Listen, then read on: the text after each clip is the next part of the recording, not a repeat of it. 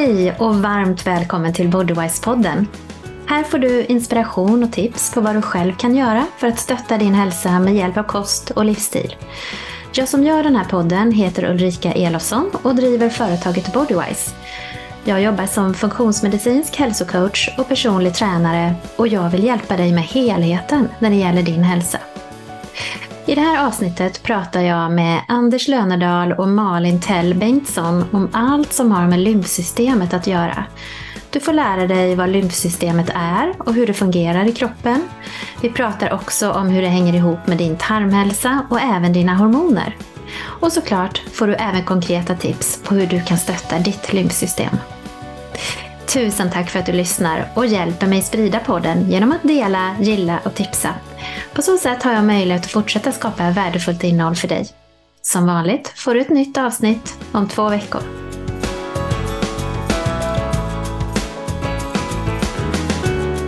Hej och varmt välkommen till Bodywise-podden Malin och Anders. Tackar. Tack. Så kul att ha med två gäster idag. Det blir premiär för mig faktiskt. Jättetack för att ni tar er tid att vara med. Mm. Det, blir, det ska bli bra som helst. Ja, för idag ska ju vi prata om något som ibland kallas det bortglömda systemet, nämligen lymfsystemet. Det ska bli superspännande tycker jag, för jag har själv inte jättemycket kunskap kring det här området, men jag vill gärna lära mig mer. Och eh, Malin, du är ju i grunden utbildad massör och friskvårdsterapeut, men du arbetar också med hormoner som hormonterapeut. Och Anders, du är ju inte bara specialist på lymfsystemet, för du är även specialist inom psykofysiologi och andning. Och du brukar säga att förebyggande underhåll är billigare än reparation. Absolut. Ja, och det här tycker jag är superbra. Vi behöver ju hela tiden jobba förebyggande med vår hälsa. Och idag så ska vi ju få ytterligare en pusselbit av er då när vi vill jobba förebyggande, nämligen att vi får lära oss mer om hur vi själva kan stötta vårt lymfsystem. Men ja. eh, innan vi kommer in på det så tänkte jag att ni eh, skulle få börja med att presentera er själva lite kort. Kör du Malin. Ska jag börja? Du får börja. Alltid när vi är ute på föreläsningar så brukar jag presentera mig som den minst kända i den här duon. För alla har koll på Anders Lönerdal. ja, men jag heter alltså Malin och jag har jobbat med hälsa och friskvård sedan slutet av 90-talet. Eh, I början då med massage och friskvård. Sen kom det kost och träning och sen kom det mer invärtes med näring och, och hela den biten. Och de sista sju, åtta, ja, snart tio åren så har jag jobbat mycket med hormoner. Eh, och då blir det väldigt mycket kvinnohälsa. Och det var lite så jag hittade Anders. Just för att jag tyckte att han uttryckte sig på ett sätt som inte många män gör när man pratar om kvinnor. Eh, och sen äger jag en, ja, jag kan inte säga att det är en butik, för det är mer ett koncept som heter Må bättre och ligger i Tranås. Och där eh, bjöd jag in Anders till att prata på en föreläsning. Och så pratade han och så lyssnade jag och så kände jag att vi kan nog komplettera varandra mm. lite grann. Ja, mm. precis så. Mm. Och, eh, jag brukar skämta lite innan jag presenterar mig själv, bara kommentera det som Malin säger där att eh, jag är ju man då och eh, jag kan lära mig att rabbla allt om de kvinnliga hormonerna men jag bor inte i en kvinnokropp. Jag kan inte visa något fertilt sekret eller känna det någon gång. Nej. Det är helt omöjligt. Så, när jag träffar Malin så kommer jag på att där har vi ju den biten som fattas. Här har vi det fertila sekretet. Ja, ungefär så. Någon som vet vad hon snackar om. Jag kan ju rabbla. Men jag känner mig inte trovärdig då. En vinnande duo helt enkelt. Ja, det, det, det blir så. bra. Ja. Mm.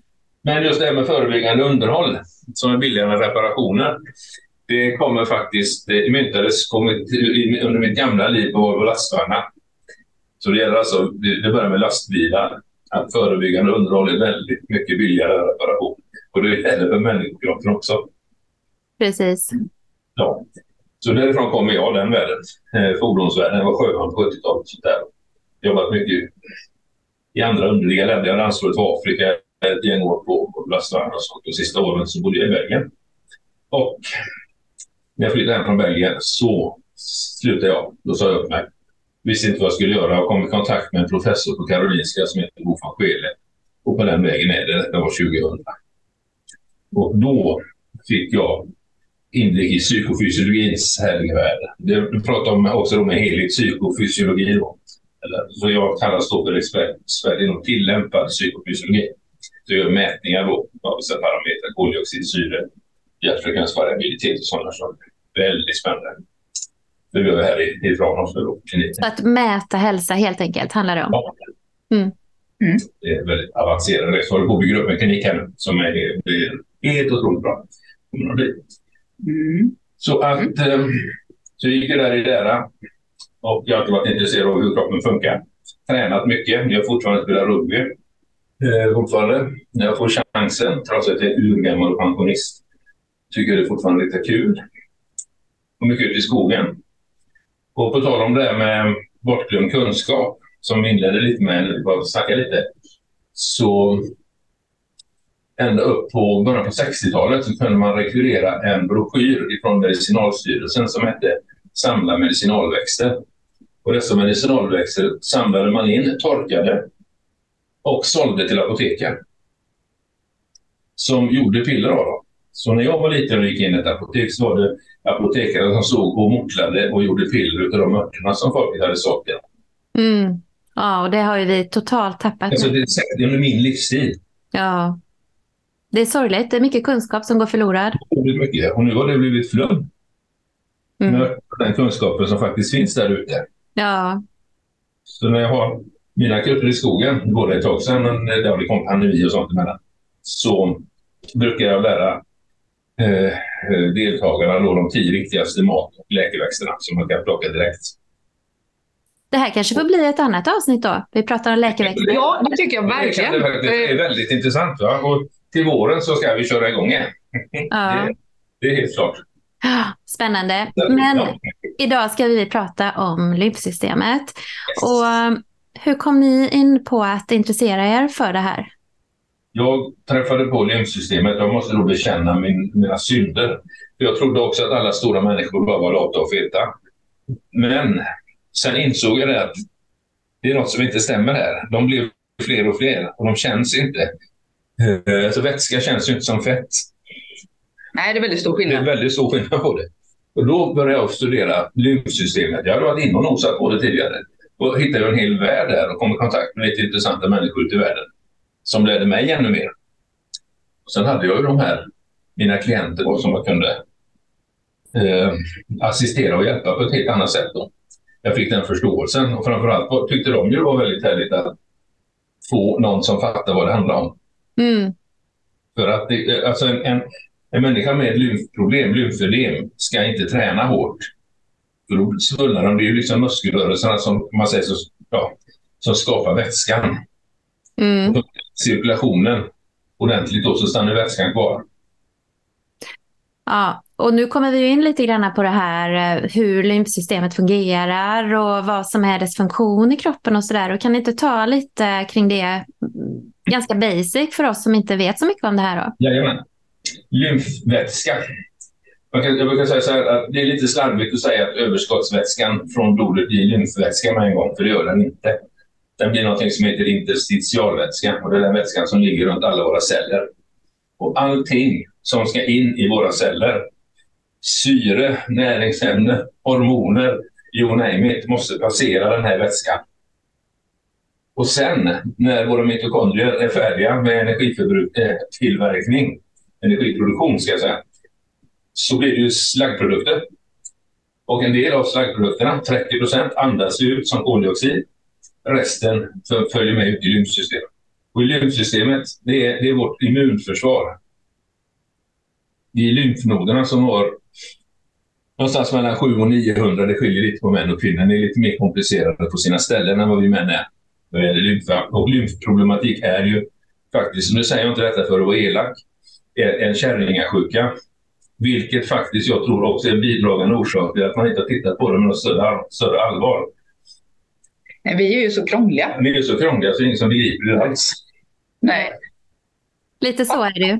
Våra hormoner fluktuerar ju över månaden och över livet. Och, ja. ja, medan Malin när vi föreläser ihop, hon brukar visa väldigt tjusiga kurvor på de kvinnliga hormonkurvorna.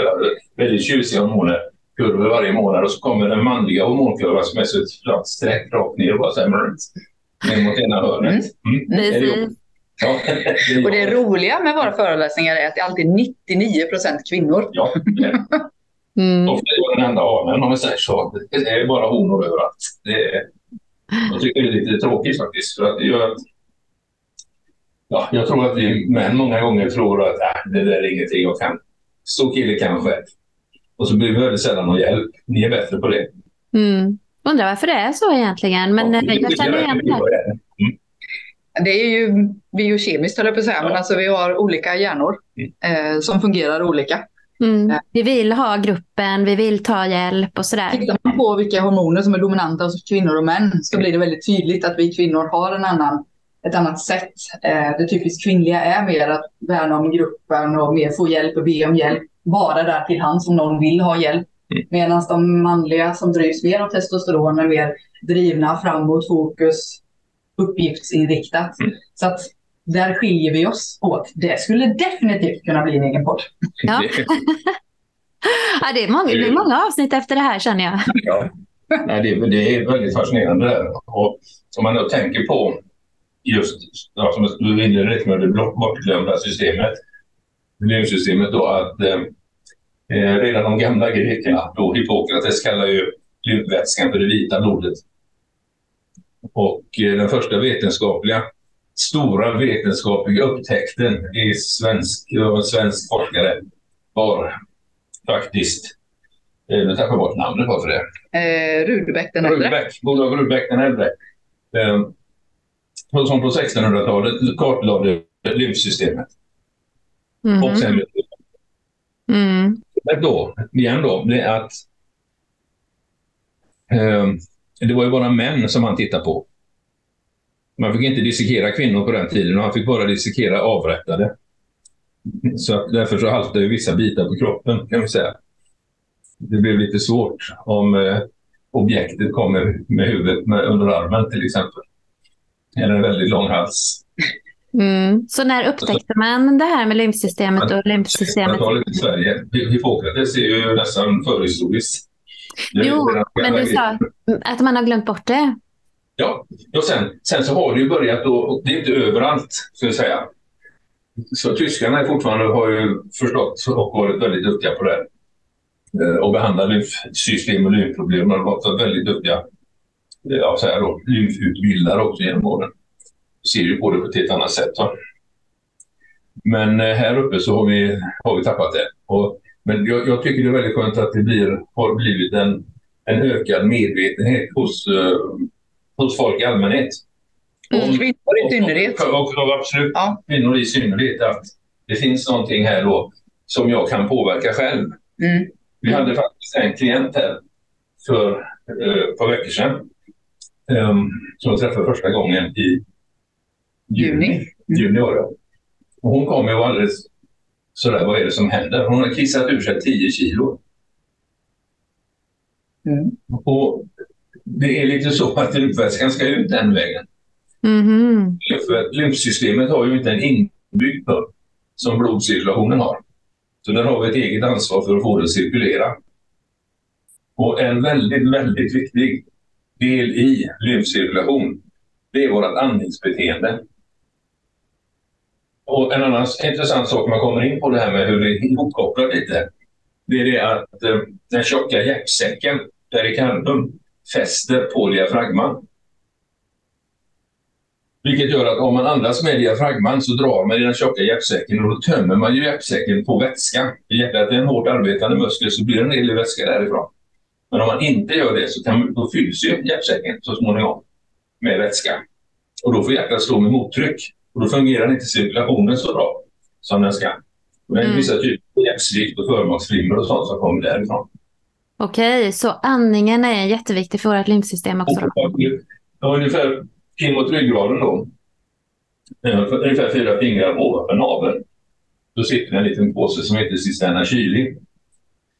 Och I denna påse töms all lymfa ifrån benen, hela underkroppen, underlivet, mag, tarmkanalen och levern töms in i den lilla påsen innan den töms då på vänster sida i nyckel, innanför nyckelbenet. Allting ska tillbaka in i blodomloppet igen. Mm. 75 procent av lymfvätskan töms på vänster sida, 25 på höger. Okej. Och om början till lymfproblem så upptäcker man oftast det runt höger ankel. Det är väldigt långt från höger ankel upp till vänster nyckelben och sådär. Och hur upptäcker man det? Att det blir svullet? Eller? Ja. Ja, okej. man låter strumporna så ser det ut som att man fortfarande har dem på sig till exempel. ja, just det. Det stoltar lite där. Då. Men, Det är en indikator. ja, Jag tycker att vi ser ganska mycket eh, svullnad i buken. Bu- Oh, ja, ja. Det, det, det, är Så att det behöver inte, man kan ha ett lymfproblem även om det inte yttrar sig runt anklarna. Och det kan man också säga att det är mer män än kvinnor som har det. just det här problemet i buken. Ja. Men Ja. att, eh, du vet, det är så intressant det där med vetenskap. Va? Den gången jag var på Karolinska och lärde mig om psykofysiologi så var det en som sa där, en forskare någonstans ifrån som sa det att vetenskap ska man ta med stor skepsis. För att den ändrar sig hela tiden. Det utvecklas hela tiden. Och för, bara för några år sedan, jag kommer inte ihåg exakt hur många, men det är inte särskilt många, så upptäckte man ytterligare ett nytt organ i kroppen. Som heter mesenterier på latin, eller tarmkex på svenska. Mhm. Och det sitter i buken. Ett jätteorgan. Det var kroppens största lymfnoder. Det är nämligen så att alla tarmar läcker. Det ska de göra. Då ska lymfsystemet ta hand om de bakterier som kommer därifrån. Mhm. Det tas, laddas in då i tarmkexet, töms upp i den här cisternan kyl och sen så ska vi kissa ut det som är kvar. Och, och blod, alltså lymfvätskan går ut i blodbanan igen. Då är det väldigt, väldigt viktigt att den är ren. Att den har gått igenom noderna och alla bakterier är dödade. Det är så det ska funka. Men idag då, med, med stresspåslag och sånt, så läcker tarmarna lite för mycket. Eh, mycket autoimmunitet och sånt där. Att eh, man får problem så det kommer ut för mycket bakterier och fel sorters bakterier. För inne i tunntarmen då finns det något som heter Peyers plack. Det är små kluster av lymfnoder som ska rensa det som kommer där. Och sen så är det tjocktarmen som läcker mest. Så att de här lymfnoderna och lymfkärlen med tjocktarmen, de sitter på utsidan och ska fånga upp det som kommer därifrån. Det är väldigt, väldigt mycket peristatik det är väldigt mycket rörelse i tjocktarmen. Så om inte magen fungerar riktigt så kan vi få problem med lymfsystemet också då? Om, om inte tarmarna funkar. Mm. Ja, och det där blir ju lite en ond spiral. För Ja. om inte magen funkar så kan vi få problem med lymfan för att vi släpper ut fel saker. Och Just det. funkar inte lymfan som kan ta hand om det så kommer tarmen inte må bra. För då kommer Nej. inte plastiken att funka för då funkar inte diafragman och då funkar inte... Ja, men du vet. Nej. Nej, men det är ju som med allt i kroppen, det hänger ihop helt enkelt. Allt hänger ihop. Det går inte att titta bara på en bit. Nej. Och, och just det med... eh, Och det är faktiskt också, man tar lymfsystem och så här oväntade diagnoser som man kan få på, när man har trögt lymfsystem. Det är ju till exempel eh, det som kallas för kristallsjuka och tinnitus. För inne i, eh, inne i örat så är det en massa små, små, små muskler som jobbar hela tiden. Och så finns det en liten en, en lymfatisk nod, en lymfnod kan man säga, inne i örat som tar emot lymfvätskan från balansgångarna och ifrån hörselsnäckan. Och om inte cirkulationen funkar riktigt där så svullnar de. Och då kan en liten blåsa, man går ifrån hörselsnäckan och ska tömma sig då in i den här lymfnoden. Då kommer den i kontakt med balansbågarna. Och då kan man få ett tinnitus från helvetet. Alternativt att man blir väldigt, väldigt yr. Mm. Då kanske det inte är första man tänker att oh, jag har nog ett lymfproblem. Nej, verkligen inte. Och du, nu nämner ju du det här, lymfnoder har du ju nämnt eh, väldigt många gånger. Kan du förklara lite vad det är? Ja, det, det är en, en lymfnod. Det är små... Förr i tiden så kallade man det för körtlar, men det är inte körtlar. Körtlar producerar saker, det gör inte de här. De ska ju ta död på. Och i, inom lymfnoderna passerar lymfvätskan och i inne i lymfnoderna så finns det väldigt mycket immunförsvar. Mördarceller och B-celler och T-celler och allting. Som eh, då ska ta hand om, förstöra de här. Även tumörceller ska avlivas där inne. Och sen då går det ju från en nod till en annan då innan det töms in i blodbanan igen. Då Mm. har vi mellan 700 och 900 stycken lymfnoder strategiskt utplacerade på kroppen. Väldigt mycket har vi ju i, och särskilt ni kvinnor, i ljumskar. Underlivet har ni väldigt mycket. Vi har, eh, eller ni framförallt ni, armhålor och brösten. Eh, lymfnoden ner i, i ljumskarna som sagt. Då, för det, det vaginan sånt är också lymfatisk vävnad. Den ska ju tvättas hela tiden. Ja, överallt där det kan komma in saker måste det finnas ett försvar. Absolut. Mm. Och nu pratar ni ju väldigt mycket, eller du pratar ju väldigt mycket om kvinnokroppen. Är det så att lymfsystemet är kanske ännu mer viktigare för oss kvinnor att ta hand om då och stötta? Ja, man kan ju, man kan ju säga det. Och det är av olika skäl. Det är ju mest kvinnor som drabbas av lymfödem. Om man inte tänker på gubbar eh, som har väldigt stora spända magar. Då har du tarmkex där inne som är knökfullt. De har ofta väldigt smala ben också. Mm. Det är inte muskler om det är stenhårt. Nej, men man tänker ju att det är den här eh, viscerala fettet då kanske, men det kan vara det och även... Det kan vara en, en kombination av det. Mm. När vi har våra klienter här så mm. brukar vi alltid känna efter var det här ligger någonstans. Eh, om det ligger utanför bukmuskeln eller innanför och, mm. och sådär. Så att absolut, det viscerala fettet spelar in, men du får inte den spändheten i ett visceralt fett. Det här stinna vätskefyllda, så känns inte det viscerala fettet. Det är en helt annan känsla. Ja, ja. Det är lite skillnad på, på, på fett och vätska. Ja. Mm. Men det är mer, är mer komplicerade ni kvinnor. Det är, som sagt, det är därför som ni drabbas oftare. Ja, men för att summera lite då så är ju lymfsystemet, det, har, det cirkulerar i kroppen, eller rättare sagt, det har ingen egen pump utan vi måste hjälpa det att cirkulera runt i kroppen då, eller? Ja, då har vi då till exempel diafragmarörelsen och mm. muskelrörelsen. Mm. Vi måste alltså röra på oss. Sitter man still så händer det inte mycket. Och när vi föreläser så brukar jag alltid skoja lite och fråga sådär, hur många hjärtan har vi? Och då börjar folk, då förstår ju alla att det är en kuggfråga givetvis. Och så säger de, ett här och så pekar de på det vanliga stället. Då säger det så att vi har egentligen två hjälphjärtan också, det är våra vadmuskler. Ja. Mm. Och de pumpar inte när man sitter, de pumpar när vi går. Eller cyklar mm. och sådana saker. Och ska man ta då ett kvinnodilemma när vi sitter ner, eftersom vi har extra mycket noder just i ljumskarna, så låser vi ju dem i och med att sitta ner så får vi ett tryck på så att där funkar inte flödet optimalt. Och eftersom män har färre noder i ljumskarna så blir deras problem sällan så stort. Mm. Ja, från magen och neråt så att säga. Ja, exakt. exakt. Mm. Ja, mm. intressant. Ja, det, det är det. Och det, det som jag tycker är så, alltid så hoppfullt i detta, jag brukar säga att det finns inga hopplösa fall. Och det gör att man kan göra väldigt, väldigt mycket själv. Mm. Men man måste fatta, man måste förstå. Vad det är, var, var, var klämmer, var, var, var skaver det någonstans? Ja. Och det är det som är lite frustrerande hos våra klienter som kommer, för de har gjort väldigt mycket själva redan. De har testat olika dieter, de har testat olika träningsformer, de har testat olika, ja men du vet, det är ju alls. De är så otroligt motiverade till precis allting utom att ta det lugnt och andas. Ja, Okej, okay. så vad, vad, är de typiska problemen som kommer då som ni känner att ni behöver angripa lymfan så att säga för att de ska bli bra? Ja, det ser ju hur de ser ut. Alltså att de, en del är ju vandrande vattentankar. Sen tycker jag det är mycket känslan, alltså beskrivning av kroppen. Jag, är, jag, har, jag har ont i kroppen. Ja, den är trött, ja. den är spänd. Jag kan liksom inte gå. Allting känns tungt. Och då behöver de inte väga. Alla är ju inte jättestora.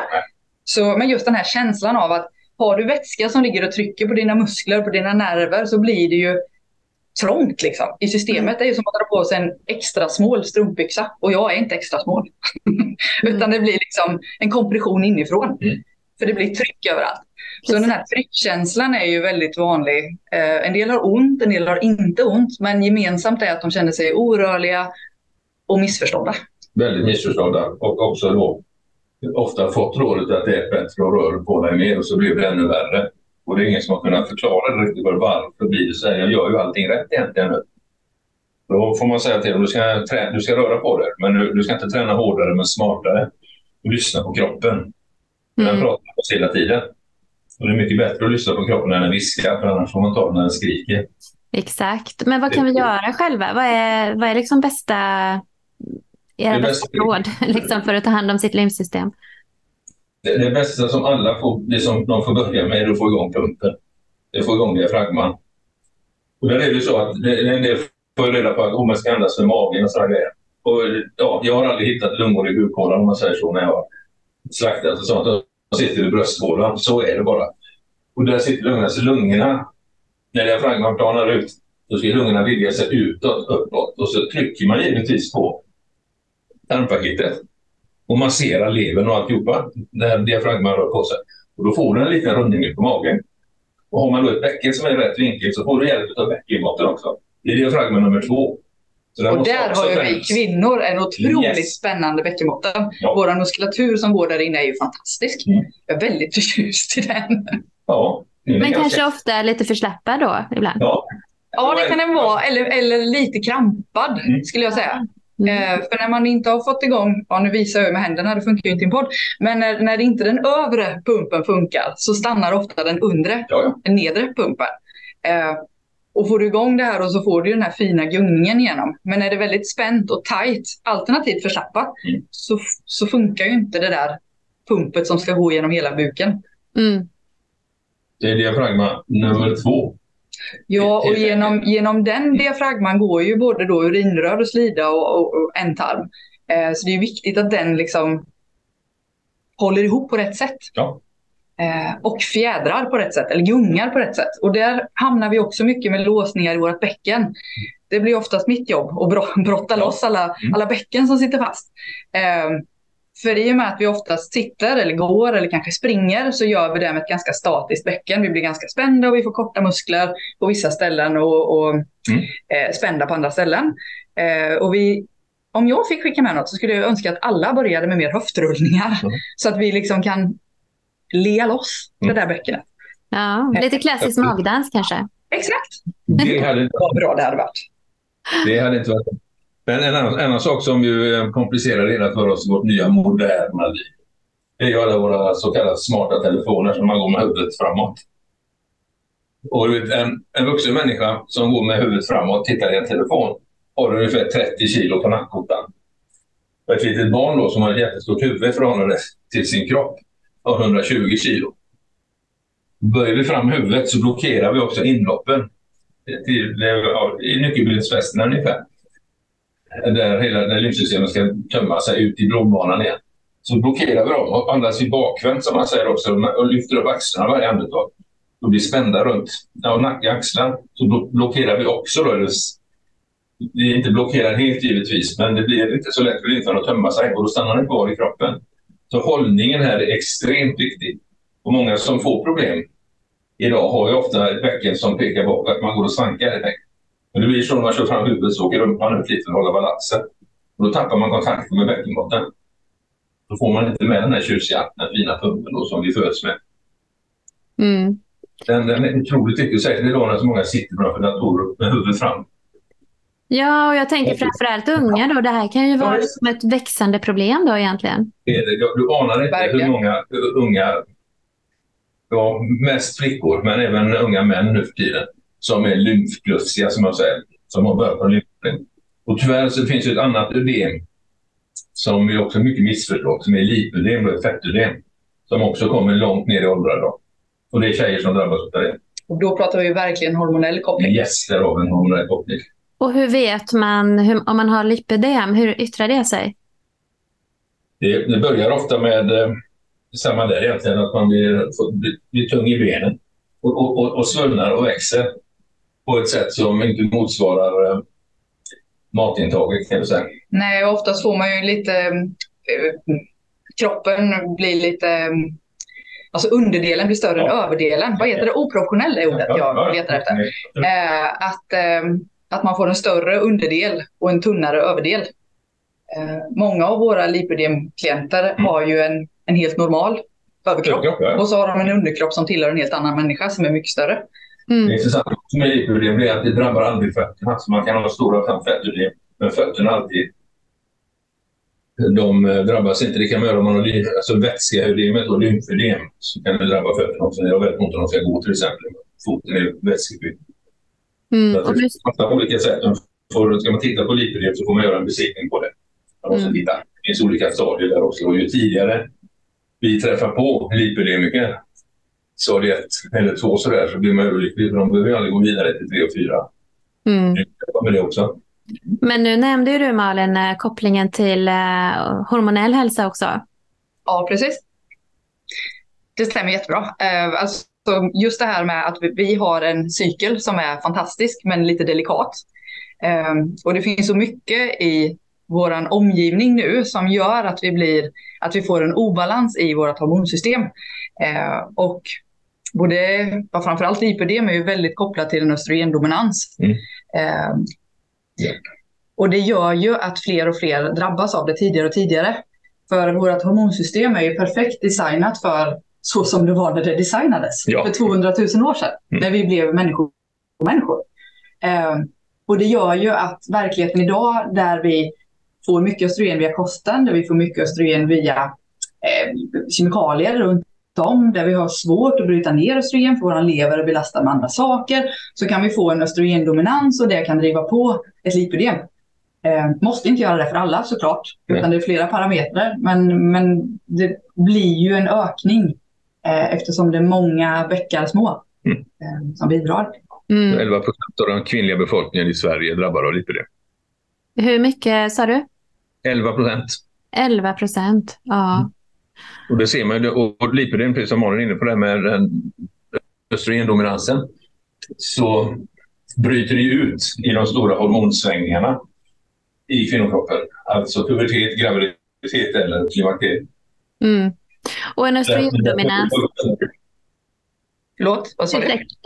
En östrogendominans kanske inte bara behöver hänga ihop med att vi har överskott av östrogen. Det kan ju vara kanske underskott av andra hormoner också. Då. Givetvis. Du kan ju ha en östrogendominans och ha jättelite östrogen. Ja. Mm. Eh, utan östrogendominans, då benämner vi bara relationen mellan östrogen och progesteron.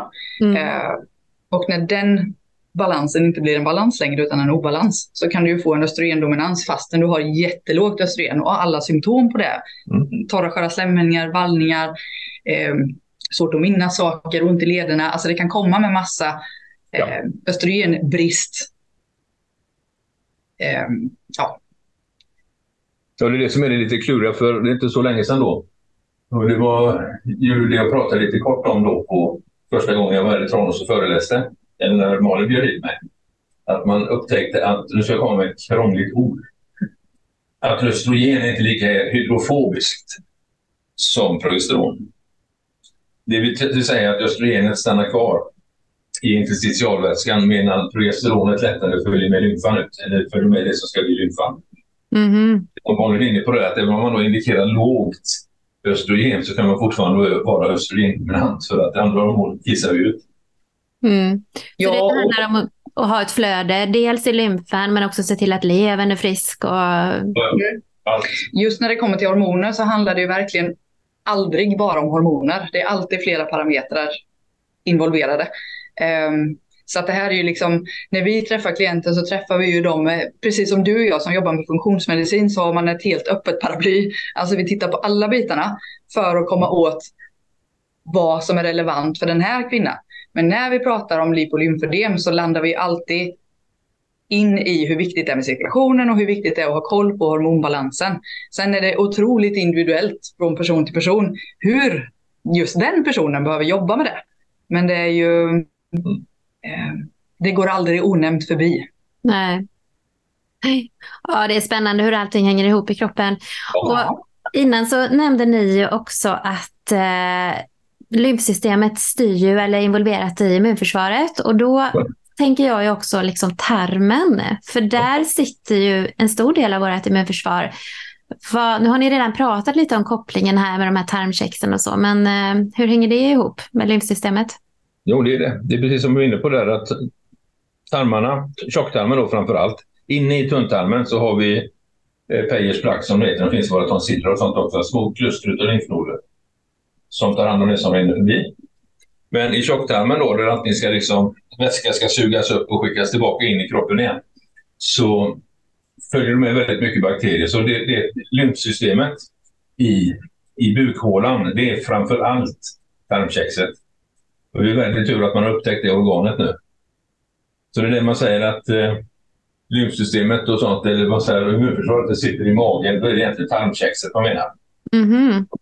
En annan sak som är väldigt spännande det är ju det att appendix då, eh, blindtarmens maskformiga bihang, numera också då uppgraderat till ett väldigt viktigt lymfatiskt organ i denna lilla snutt så reglerar, eh, regleras tarmfloran emellan tunn och tjocktarm. Sen råkar schimpansen ha en som är dubbelt så stor som oss. Så någon gång på 1800-talet när Darwin hade skrivit om arternas ursprung så trodde folk i Storbritannien, några gubbar där sa men schimpansen har ju en som är dubbelt så stor. Då håller vi på att evolutionera bort våran så den behöver inte vi längre. Mm. Fel vetenskapen hade på den tiden. Mm. Det har varit sanning ända till nu. Så nu upptäcker man att den kanske är viktigare än vad vi har trott då? Oh ja, väldigt mycket viktigare. Det föds inte med någonting som vi inte behöver. Nej, precis. Så det, så det är en... Det är så mycket med det där som vi har ställt till det. Va? Så får man då appendix bortopererat så ulcerös kolit och framförallt det och andra tandproblem eller tjocktandproblem då är ju, kommer som ett brev Ja, och SIBO och alla de här som... Ja. Mm. SIBO, alltså överväxta bakterier i tunntarmen då? Där Exakt. Det ska ju regleras i blindtarmen vad som ska vara på, i tunntarmen och vad som ska vara i tjocktarmen. Mm. Och ta bort då den stora modulatorn, yes. moderatorn så, så blir det problem ofta. Mm. Ja. Ja, en annan sak då som eh, också hänger ihop det här med livssystemet, det är ju hjärnan. Oh ja, och det, det är spännande. Ja, det får du jättegärna berätta Nu ska jag inte säga att jag är kritisk till vetenskap, men vetenskapen eh, Eh, har ju i väldigt många år sagt att cerebrospinalvätskan är, så, är där som, verkar som en stötdämpare för hjärnan. Och det gör den också. Men 2012 så började en forskarlag borta i USA på Rochesters eh, universitet filosofera lite över varför sover vi? Hade vi nu varit skapelsens krona och så ska vi inte ligga och sova bort 30 procent av vårt liv. Det är helt vansinnigt. Vara helt improduktiv i så många år. Det går inte. Så tänkte jag att det måste finnas en mening med detta. Och så började man ju som vanligt att forska på möss. Och så fick man sådana otroliga forskningsresultat som man tänkte vi måste ha gjort fel och skrota alltihop och börja om. Och fick samma resultat. Och upptäckte att oh shit, vi är något på spåren. Och då visade det sig då att hjärnan har ett eget lymfsystem som kallas för glymfsystemet. Och det är, jag tog glymt bara för, som gliaceller, G från gliaceller som bygger upp skydden runt våra eh, nervsystemet uppe i hjärnan och synapser och sånt där. Och man upptäckte den fantastiska saken. Vi har ju olika sömncykler. REM-sömn, då drömmer vi till exempel. Så har vi när vi somnar in och så lite djupare så kommer REM-sömnen. Så kommer djupsömnen. Och under djupsömnen fungerar vårt lymfsystem. Då tvättar hjärnan sig på insidan. Så det är hjärnans eget lymfsystem menar du då? Ja, mm. lymfsystemet. Det är cerebrospinalvätskan. Det är ingen särskild vätska utan det är den vätskan då som också verkar som en stötdämpare för hjärnan, absolut. Va? Men den är väldigt mycket mer avancerad än så. Och eh, den tillverkas då i ventriklarna, våra hål, hålrummen i hjärnan med, med lite olika, mellan 3 och 5 deciliter om dygnet. Och det ska tömmas ut i det vanliga lymfsystemet också på vänster sida. Ja, och vår hjärna är ju en känslig liten rackare. Så vi har ju en blod-hjärnbarriär av en anledning. Ja. Så hjärnan måste ha ett eget system. Ja. Den kan inte beblanda sig med lymfan som kommer halvtaskigt skick ifrån Nej. nederdelen. Den ska, ska faktiskt vara vattentäta skott där. Mm. Och, men det som var så fantastiskt, är så fantastiskt under djupsömnen, dels under djupsömn så ligger vi helt paralyserade. Helt stilla. Det kan man se om man åker, man har hästar hemma. Då kan man se ibland, när man åker förbi en hästhage, kan man se att det ligger någon häst ner och ser död ut. Och så står det alltid någon häst och vaktar. För då ligger den hästen och djupsover. Mm. Över mellan, över ungefär 15 minuters djupsömn varje natt en häst och människan behöver mellan 45 och 60 minuter. Och under djupsömnen som sagt då så ligger vi helt paralyserade. Och det är inte så att de här 45-60 minuterna kommer på en gång utan att det är uppdelat på tre eller fyra cykler. Och det som var så fantastiskt, eller är så fantastiskt då med hjärnan och dess egna lymfsystem, det är att en del hjärnceller då, men inte alla, men på sina ställen, speciellt i det limbiska systemet, och så det som jobbar, läggkärnan som jobbar med oss, jobbar hela tiden och analyserar. De krymper med upp till 60 procent och så börjar hjärnan att pumpa och sköljer igenom varenda synaps. Och man har också mätt då, vad är det som kommer ut ur denna vätska utifrån igen. Och då upptäckte man väldigt tidigt att bland annat då är det där beta-amylaset, det som eh, ger oss Alzheimers, tvättar vi bort där. Så sömn är otroligt viktigt. Det är inte bara att man sover, det är hur man sover. Det är precis som andning. Alltså, det är inte bara att andas, det är hur man gör det Mm. som får effekterna på kroppen. va. Så Ja. när mina jag frågar mina klienter hur har du med sömnen? Ja, det är så bra. Så, är du pigg när du vaknar? Nej. Då har man förmodligen inte varit nere i djupsömn så det räcker. Va? Mm. Och det är ju också då ett problem. Och det taskiga här va, det är att tillsätter man sömnmedel så hamnar man inte i djupsömn. För då måste ju levern jobba med det. Mm. Så även om det känns att man sover bra så är det, då jobbar inte det glykfatiska bara- systemet. Det funkar Nej. inte så. Och en annan sak då med våran livsstilen som vi har idag med alldeles för högt tempo, för dålig sömn och allt det här. Va? Så är det faktiskt så att eh, vi har något i kroppen vad gäller vi pratar immunförsvar som heter mastceller. Mastcellsaktiveringssyndrom kommer du säkerligen att höra väldigt mycket mer om i framtiden. Eh, I huden kan man säga, bara som ett exempel, så har vi 7000 mastceller per kubikmillimeter. De är involverade i allergier och blödningar och sådana saker. Otroligt spännande. Men när de små rackarna blir överaktiva så läcker blod-hjärnbarriären. Så då kommer det in saker i cerebrospinalvätskan som inte ska vara där. Och det är ett växande problem. Mm. Många sådana här ganska avancerade diagnoser idag som man kopplar till det här mastcellsaktiveringen. Det blir alltså inflammationer. Ja, jag tänker återigen på våra ungdomar som kanske sitter sent och med skärmar och sånt där ofta. Alltså sömnproblemen kryper ju ner i åldrarna. Ja, Ja, oh ja, oh ja. Och det är ju inte meningen att vi ska sova djupt under de förhållanden som ungdomarna Nej. är i. Dels är det ett ljus som säger att det är dag, mitt i natten. Sen är det ju aktivitet, det är ju inte bara att de slötittar i telefonen utan de snappar och de kollar på grejer. En del är otäcka, en del är, alltså det drar igång alla system i hjärnan. Det är ju Mm. inte så att vi upplever lugn och ro i hjärnan som är van vid att somna och vakna på samma ställe. Det blir mörkt när vi ska sova, det blir ljus när vi ska vakna. Alltså allt det här är så fjärran Mm. från hur det var designat för. Ja. Eh, produktionen av melatonin kommer inte igång som den ska. Och melatonin är ju inte bara viktigt för sömnen utan det är en jätteviktig antioxidant som påverkar andra saker i kroppen. Så att sömnen blir liksom en, en liten del av navet. Mm. Eh, och funkar inte den så, ja, nej. Sömn och stress då?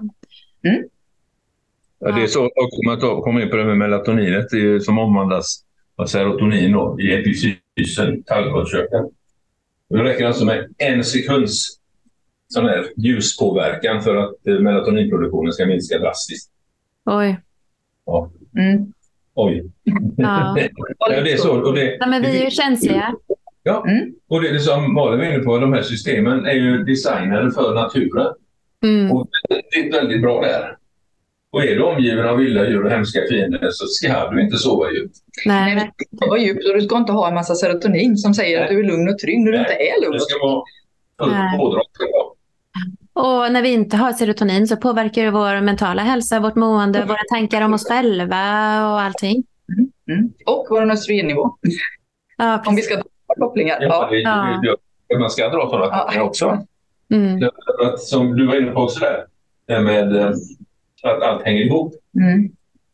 Det är inte bara... Det är liksom inte bara... Ja, man kan inte bara plocka bort någonting och tro att nej, nu är det lugnt. Man kan inte bara titta på ett system. Och det med hormoner har jag förstått nu när jag har träffat Malin. Jag har läst på en del om hormoner och förstår hur, hur viktiga de är för allt möjligt. Men också att de inte har bara en funktion i kroppen, utan de har ju flera. Nej, östrogen har 400 funktioner i kroppen. Ja. Det är ganska många som inte har med barnalstrande Mm. att göra. Så att, Och insulin är inte bara, inte bara blodsockerreglerande, det är väldigt viktigt för läkning också. Mm.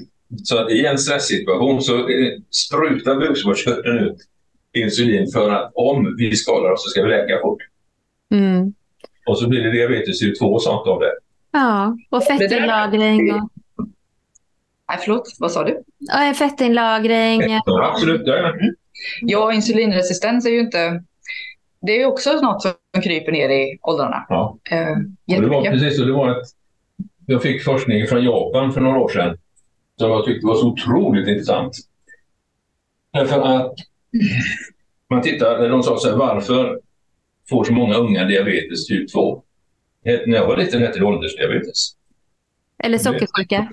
Ja, eller sockersjuka, Mm. absolut. Sådär, va? Och så började de titta på det. Och så är det så här då att om, när man stressar och hyperventilerar, det gör man då. Koldioxidhalten sjunker, vilket den ska göra under de här tre minuterna som vi ska fly för livet eller slåss för. Då, då blir vi för basiska i blodet. Jag vet, det är jättekomplicerat, kan man prata flera timmar om. Men det har vi inte tid med nu. Man Nej, det får vi ta en annan gång. man, man blir för basisk i blodet och då blir blodet surare som en kompensation och det kallas för en kompensatorisk acidos. Det är den här stresscykeln, som, den loopen som, som kutar i kroppen på sig.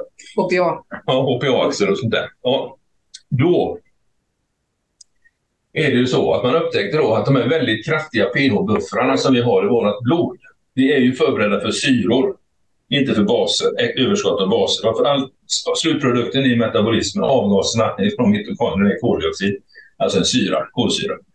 Så det klarar vi. Men då när det sjunker, så blodet blir lite surare, så måste det kompenseras. Men pH-buffrarna stannar i blodet och följer inte med ut i interstitialvätskan. Så är blodet lite surare så blir interstitialvätskan lite surare. Och det påverkar då receptorerna på cellväggen. Alla våra celler ligger och badar i interstitialvätska. Ja. Mm. Blir, och då tittar man just på insulinreceptorerna och upptäcker oh shit, det kommer ju inte in insulin. Det finns insulin, men det kommer inte in i cellen. Nej, för cellen, när, när det blir surt runt om så skyddar ju sig cellen genom att förtjocka sig, alltså ja. blir tjockare eh, cellväggar. och då tar inte receptoren lika bra. Alltså det, du kommer inte in med det aktiva substansen, i det här fallet då insulin. Men samma sak med östrogen och progesteron. Ja, visst, allting. Mm. Och det här drivs eh, då bland annat av stress? Ja, och andning. Fel andning. Ja, precis. Och sen då, interstitialvätskan blir lite surare. Så blir ju lymfvätskan surare också. Mm. Och du kan inte ta hand om detta med basiska pulver och sånt när du käkar. Detta reglerar, kropp, reglerar kroppen inifrån. Med de buffrar och sånt som vi är födda med. Ja. Andningsapparaten är extremt viktig. Koldioxid sköter, alltså andningsapparaten sköter pH-regleringen i blodet med lite, ungefär lite mer än 70 procent. Så det är jätteviktigt att det funkar. För det här pågår ju oss hela tiden. Även när vi sitter här och pratar så är det en massa processer i våra kroppar igång. Som vi inte tänker på. Ja. Vi ska gå på toa. Eller något. Mm. Ja, men nu är vi tillbaka lite där vi började med andningens betydelse. Ju. Uh, och jag tänker lite, vi ska ju snart börja avrunda här. Superintressant och jag hade kunnat prata mycket, mycket längre. Men jag tänker att ni ska få uh, ge era bästa tips här hur man själv stöttar sitt lymfsystem på bästa sätt. Ja, jag får börja då. Jag börjar med andningsapparaten. Uh, just att man andas så att bröstkorgen vidgar sig utåt och lite uppåt. Inte så mycket rörelse i magen alltså. Och ett bra sätt att eh, få igång det, det är att lägga sig på rygg i sängen och sätta höger fot på, på utsidan av vänster knä och så händerna på insidan, eller på nedersta revbenet kan man känna. Och så andas in riktigt djupt. Det är sånt där lite tjuvknep som alltid funkar. Varför ska man korsa? För då korsar man benen där då? Om man lurar, vi gjorde mätningar på Karolinska järnvågor. Om man sätter höger fot i vänster knä så hamnar bägge fötterna på lugn och ro-sidan på hjärnan. Så järnvågorna ändrades. Det var jättespännande att se. Det blev liksom mycket djupare dalar. Aha. Så att till vänster så hände inte det. Så det var jättekul. Och sen så när man sätter höger fot där så ändrar man vinkeln på bäckenet lite, lite grann så musklerna längst ner slappnar av. Det kan man också känna. Och då blir det mycket lättare för bröstkorgen att börja vidga sig utåt. Och kroppen vill göra det. Det är ju den naturliga delen, ja. det är så vi ska andas. Så kroppen mm. är ju väldigt eh, benägen att lyssna när man ja. bara... Hittar vi rätt så yes, nu kör vi, tänker kroppen också. Mm. Och det är det som är så kul att se på klienter och sånt. Och det här kan man ju träna själv också. Nu, när jag har klienter som mäter koldioxid och sånt där så kan individanpassa, men det är aldrig farligt att börja andas bättre. Så mm. det tycker jag att alla ska prova som lyssnar på detta. Precis, och andningen är ju spännande för det går ju helt automatiskt. Men vi kan ju också styra det och påverka funktioner i kroppen då. Ja, om jag, om jag säger bör till dig och alla lyssnare också då sen, eh, så ni blir livrädda, så lyfter ni upp axlarna och så har ni andats. Så, här. så fastnar man där. Och då, när man lyfter upp axlarna så rör sig inte diafragman som den ska. Nej, blir man spänd då så funkar inte det här, de här lymfnoderna och Nej, Och så har ni kvinnor ofta bh på er. Och det kan ju del behöva. Men när man gör den här, testar den här första andningsövningen för att få loss på, så kan det vara bra om man inte har den på sig. För att undermedvetet, om man, får igång bröstkorgen lite och där känner att oh, nu tar det emot, då stannar man där. Så för att få maximal vidgning då, så kan det vara bra att släppa på alla remmar som håller fast. Mm. Och det är, är bra. Mm. I vardagen också, kan det också påverka lymfsystemet? Ja, verkligen. verkligen. Eh, så, så tajta bh är ju ingen favorit hos oss kanske.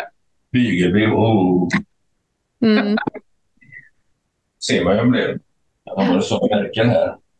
Och sen också, man tar på, på andningsapparaten är väldigt viktigt, men också att kvinnor, det är väldigt viktigt att ni, att ni masserar era bröst ifrån armhålan där det sitter mycket noder. Massera lite där och sedan under bröstvårtan och upp emot eh, nyckelbenen. Mm -hmm. För vi har lymfnoder där menar du då? Ja, och det, det, är väldigt mycket. Och en del av lymfväskan från armen dräneras via brösten ut. Inte all, men en del gör det. Det är jätteviktigt att ha det här flödet igång. Då sitter mm. man då framför en dator med armarna upp, huvudet fram, så blir det totalt blockerat. Det kommer ju liksom inte loss. Nej. Så tips nummer två skulle jag säga hållning då, ja. för andningen. Och lymfa. Eh, och lymfa. Ja. Det är svårt att, andas korrekt med felaktig hållning och det är svårt att få lymfan att flöda med en felaktig hållning. Mm. Plus att hållningen idag signalerar väldigt mycket. Det här när vi låter huvudet falla fram om vi tittar i en telefon eller ner i en dator. Det här är vår undergivna position ja. om man tittar på hur vi är designade. Mm. Sitter vi raka i ryggen och upp med blicken, ja men då vågar vi möta. Vi öppnar upp här, vi är sårbara. Mm. Medan om vi sjunker ihop och hamnar ja, ja. i en mer eh, vad ska man säga? Framåtlutad position då? Ja, det är ju den uppgivenheten. Ja. Man, på, på engelska, kan de flesta till sig fight, flight, freeze och så har man lagt till en fjärde som heter fawn på engelska. Och det betyder egentligen på engelska fjäska, men på svenska så har det blivit kamp, flykt, frys och foga sig. Och foga sig-signalen, ge upp-signalen kommer när vi kör fram våra huvuden. Och då är vi verkligen inne i hormonsystemet yes. och rotar. Ja. För då signalerar vi till vårt hormonsystem att ja, våra vara undergivna. Mm. Mm. Sänk serotonin, sänk ja. dopamin, sänk... Ja, ja. ja, allt det där. Mm. Amygdalan och hippocampus skulle vi kunna prata om hur länge som helst. Ja. Relationen mellan dem. Ja. Nej, men det är så här. Man kan ju prata om kroppen och funktioner hur mycket som helst. Och det finns ju jätte, jättemycket att grotta ner sig i här. Och det är så intressant det du sa tycker jag om det glymfatiska systemet. Att, det är ganska, att vi upptäckte det ganska nytt. Alltså det kommer ju hela tiden ny forskning. Jag menar den här tarmflorans betydelse för vår hälsa. Det pratar man ju inte så mycket om för 20 år sedan. Nej. Och eh, det skulle vi också kunna, vi skulle kunna ha ett poddavsnitt om tarmkex och den, hur den påverkar. Nej, jag vet, det blir alltid så man äh, sitter och pratar att det finns ju så mycket och så här just lymfsystemet. Vi pratar, kan ju föreläsa om en hel dag. Mm. Men när det gäller de viktigaste tipsen då för att eh, hjälpa sig själv till ett friskt lymfsystem. Så nummer ett, andningen. Och sen var det hållning. Och där kan man ju behöva ta hjälp av korrigerande träning. Och absolut, absolut, absolut. Och rörelse. Ja. Hållning. Eh. Att, att, röra på sig.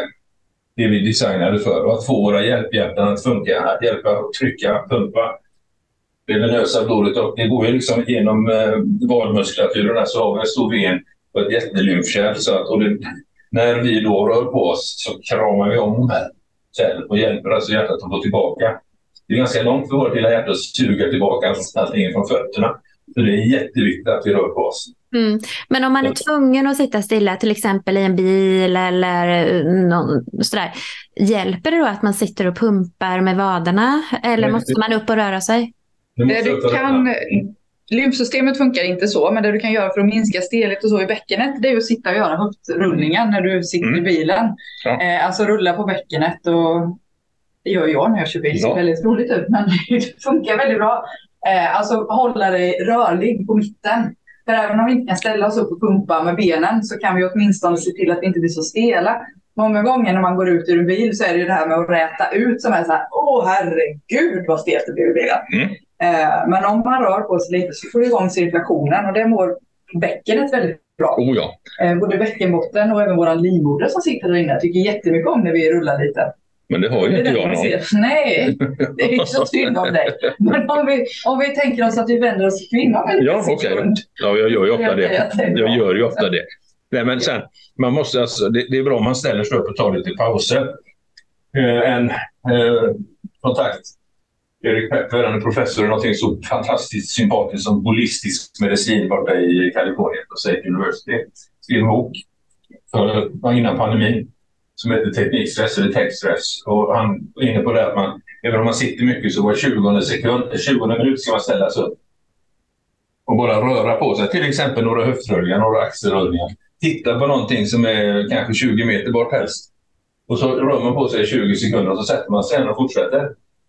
Det tar alltså en minut per timme att göra detta. Och de som har börjat göra det, men det är företag som har, ja, det är klienter som kommer tillbaka till jobbet härifrån och eh, upplever det att huvudet är mycket klarare.